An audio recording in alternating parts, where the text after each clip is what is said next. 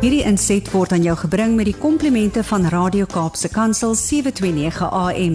Besoek ons gerus by www.cape pulpit.co.za. Dag sê Brad en Elmarie, dis lekker om weer hier te wees. Ons gaan aangaan om te gesels oor bome. En dit wat ons leer in die natuur op ons eie lewens toepas en dan vir die Here vra wat sê hy deur sy gees en deur sy woord vir elkeen van ons. En ek wil vandag begin met 'n aanhaling uit uit 'n uh, Afrikaanse idioom en uh, mense wat jonger is gebruik al hoe minder en minder idiome want social media en Facebook en instant messaging is idiome nie noodwendig die mees algemene ding nie. Maar ek is seker daar's 'n klomp van julle wat al gehoor het van die stelling die hoë bome vang die meeste wind. Die hoë bome vang die meeste wind. En in sy mees direkte toepassing beteken dit dat leiers of leierfigure in die samelewing uh, staan uit en hulle sal ook die maklikste raak gesien word, maar hulle het ook die die meeste teekanting. Da, dit is dis 'n voorreg om 'n leier te wees, maar dit kom met 'n groot verantwoordelikheid en dit het sy eie klomp gevare want daar is 'n klomp teekanting wat daarmee saam kan kom. En ehm um, ek wil vandag dat is dit van dit van toepassing maak uh, op ons eie lewens. En kom ons dink so 'n bietjie oor die feit dat 'n hoë boom het 'n klomp voorregte. En as ek dan nou 'n uh, goeie klimmer is, my twee jongste seuns klim en kloute graag in bome en hulle hulle het nogal 'n vasvat aan aan hulle en hulle hulle gly nie maklik nie en al al lyk dit so gevaarlik en al lyk dit so hoog en al al al voel mens baie keer onrustig oor hoe hoe ver hulle van die grond af is. Hulle maak seker dat hulle vasvat en en klou. En dan um, kom mens hoe hoor jy kom, hoe verder kan jy sien. Later dan kan jy verby die dak sien want jy's hoër as die dak. Jy kan jy kan die bure se erf sien. As jy nog hoër sou klim, dan uh, kan jy oor die buurt uitkyk en jy kan 'n klompie erwe ver sien. En uh, in ons geval is die boom dan nou uh, kom tot 'n einde. Ek in genadiglik want ek sal nie graag wil hê dat hulle etlike meters bo aan die grond regtig moet tussen hemel en aarde moet hang nie. Maar sê net maar mense sou gaan na daai Californian redwoods toe. Daai bome wat al honderde jare staan en honderde meters hoog is. En jy sou na hulle klim en jy jy klim in een wat die hoogste is. Dan sou jy kan kilometers ver kyk. Jy dit hoogte gee vir jou perspektief hoogte gee vir die vermoë om verder te sien as net hier by jou voete en wat hier reg rondom jou gebeur. So 'n hoë boom en iemand wat in 'n hoë boom klim, het die vermoë om baie verder te sien. Jy jy jy, jy, jy kry die big picture. Jy kry jy kry 'n view wat meer is as die mense wat net hier onder uh, op die grond uh, tussen die stof en tussen die stene, maar net oor van dag tot dag oorleef en van oomblik tot oomblik net vorentoe gaan. Jy sien baie meer as net hier en sien, jy sien baie meer as net nou. Jy kan ver sien. So dit gee vir jou 'n groot voorreg om om so ver te kan sien. Dit gee vir jou perspektief. Maar daarmee saamkom daar ook 'n verantwoordelikheid want jou hoogte gee ook vir jou sigbaarheid. Dit maak jou sigbaar van ver af. Jy word iemand van aansien. Jy word iemand met 'n reputasie, jy word iemand wat mense na verwys en daar daar kom 'n sekere stel verwagtinge na jou kant toe. 'n Gemeenskapsleier, daar word verwag dat jy dinge moet doen wat die gemeenskap gaan by baat vind. 'n 'n leier in 'n in 'n in 'n geestelike gemeente, daar's verwagtinge op jou dat jy moet van jou kant af beskikbaar wees en, en mense kan toegang hê tot jou en hulle kan op jou steun en hulle kan van jou kom tap. Daar's groot verantwoordelikhede wat daarmee saamloop. En interessant genoeg, saam met hierdie voorregte en saam met hierdie verantwoordelikhede, kan daar ook die gevaar wees van verlies. Die gevaar, die moontlike verlies wat wat kan plaasvind, is dat jy word minder toeganklik omdat jy so in hoë kringe beweeg, omdat jy so 'n 'n publieke persoon is, omdat jy so in sirkels beweeg tussen ander leierfigure is jy nie noodwendig so toeganklik soos wat jy graag sou wil wees vir Jan Alleman nie. Is jy nie noodwendig so toeganklik vir vir die gewone man op straat nie. Is jy nie so ge, ge, so toeganklik soos wat jy dalk van tevore in jou loopbaan was vir vriende en selfs vir familie nie? Is jy nie so toeganklik net vir die alledaagse en vir die ehm um, gewone lewe se lag en lewe nie? Jy jy jy word jou tyd word prioriteit. Jou jou jou afsprake word gefokus.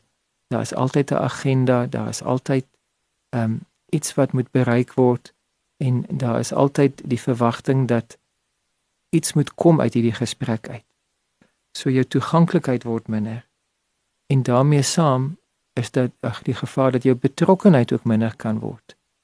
'n Gemeenskapsleier wat groot geword het in 'n sekere deel van die stad en wat elke dag die strate geloop het en elke dag die ins en outs gehoor het, mense se wel en wee van bewus was en gesien het wat in in in in die in die strate aangaan en wat in mense se lewens aangaan.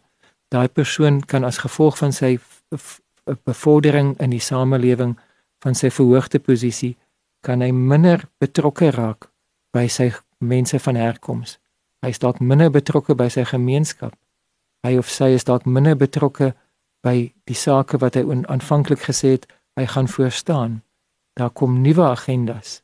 Daar kom nuwe nuwe geleenthede, nuwe velde van betrokkenheid. En ongelukkig kan van die oorspronklike betrokkenheid dan agterweë bly. Daar's ook dan minder interaksie. Jy kan net met hom gesels met 'n afspraak.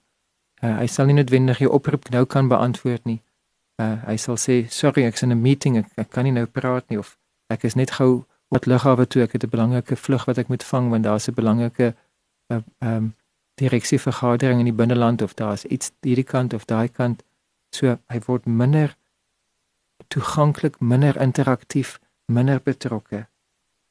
En soms en ek wil dit sê met versigtigheid en ek wil dit sê sonder sonder oordeel en ek wil nie veralgemeen nie maar soms is daar ook 'n verlies aan egtheid want omdat die persoon nou in die publieke oog is waar dat dikwels dit wat hy of sy sê word opgeneem voor die videokameras, voor die mikrofone, voor voor gehoor, uh, kan hy nie noodwendig hy of sy net sê dit wat hulle dink of dit wat hulle voel nie. Hulle begin praat van dit wat behoort gesê te word. Hulle begin sê dit wat beleid is of dit wat afgespreek is of dit wat ooreengekom is, nie noodwendig wat die oortuiging is of wat sy persoonlike voorkeur is nie. So daar kan soms en weer eens ek wil ek wil sê dit is nie altyd so nie, maar soms kan daar 'n verlies in egtheid wees. En ek praat met 'n verskeidenheid van mense vanoggend. Party van ons is maar net plain ons ons het ons verantwoordelikheid, maar ons gaan nie noodwendig voor dosyne of honderde mense praat nie. Ons ons moet aangaan met ons gewone lewe. En dan het hierdie dinge wat ek nou sê, Dis belangrik om daarvan kennis te neem, maar dit het nie noodwendig 'n direkte impak op jou belewenis nie. Maar party ander van ons is besig om op te beweeg en ken die voorreg van bevordering, ken die voorreg van groter verantwoordelikheid, ken die voorreg van dat dat daar 'n groter en groter aantal mense wat kennis neem en geaffekteer word deur besluite en en dit wat gedoen word en dit wat gesê word. En dan wil ek vir jou waarsku dat home vang die meeste wind en daar's 'n groot voordeel, daar's voordele, maar daar's ook verantwoordelikhede en daar's ook verlies en daar's ook gevaar. En wees bewus daarvan dat jy soms van jou egtheid moontlik kan prysgee en maak besluite om te sê ek gaan wees wie ek is, ek gaan eg wees. Ek gaan getrou wees aan wie die Here my gemaak het. Dis baie belangrik vir ons wat gelowiges is om ons leiers te respekteer. Die woord van die Here sê ons moet agslaan op ons leiers se lewens. Ons moet luister wat hulle vir ons sê. Maar ons mag nie 'n uh, ongesonde heldeverering, 'n ongesonde opgeblaasde opinie oor hulle hê nie. Ons mag hulle nie op 'n pedestal sit en dink hulle is onfeilbaar nie. Dit is soms nie die gemeenteleiers se bedoeling om van bo af af te praat nie. Dis ons as mense, ons as gemeentelede, ons as volgelinge wat daai persoon optel en hom plaas in 'n posisie wat hy of sy glad nie in wou gewees het nie. En ons plaas hulle selfs tussen ons en Jesus in dat ons sê my pastoor, my dominee, die die leraar, hy of sy, hulle sal namens my, hulle sal vir my voorspraak maak by Jesus. En dit is nie 'n gesonde toestand nie. Ons het vrye toegang deur die voorhangsel wat geskeur is.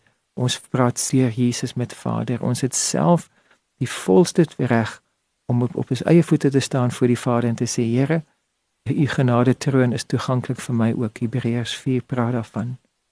Maar nou maak ons baie keer die fout en ons dink nee, hy is die professionele bidder. Hy of sy is die voorbidder of hy of sy is die gemeenteleier. Hulle sal gehoor word en ons verhef hulle. En vandag wil ek myself waarsku en ek wil vir elkeen wat luister waarsku en sê ons moenie ander mense hoër ag as wat hulle geag moet word nie. Geef hulle die respek wat nodig is, maar moet hulle nie verhoog in 'n posisie in wat die Here nie vir hulle gegee het nie. Moenie dink dat jy is tweede rangs nie. Moenie dink hulle het 'n toegang wat jy nie het nie. Kom ons bring in en ons sê ek gaan self by Jesus hoor. Ek gaan self met Jesus praat. My gemeenteleier kan my help en hy kan my toerus en hy of sy kan my begelei maar ek wil self 'n intieme eerstehandse persoonlike verhouding met Jesus hê. Kom ons vra vir Jesus daarvoor. Kom ons bid saam.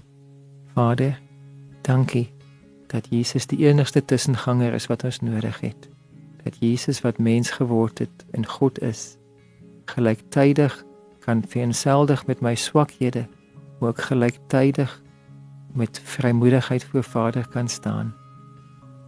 Dankie vir die voorbeeld en die lering wat ek al gekry het oor die jare. So baie rolmodelle, so baie inspraak. Maar Here help vir my om nie die manne en vroue wat voorgaan te verhef en te dink dat ek is tweede rangs nie. Dat ek nie myself in 'n toutjie sal insit dat ek agter aan die agterste stert moet moet wag vir my beurt maar dat ek weet ek staan op gelyk grond voor Vader. Voor Vader staan ons almal voor in die tou. Ons is almal op gelyke grond. Dankie daarvoor Jesus. Amen. Hierdie inset was aan jou gebring met die komplimente van Radio Kaapse Kansel 729 AM.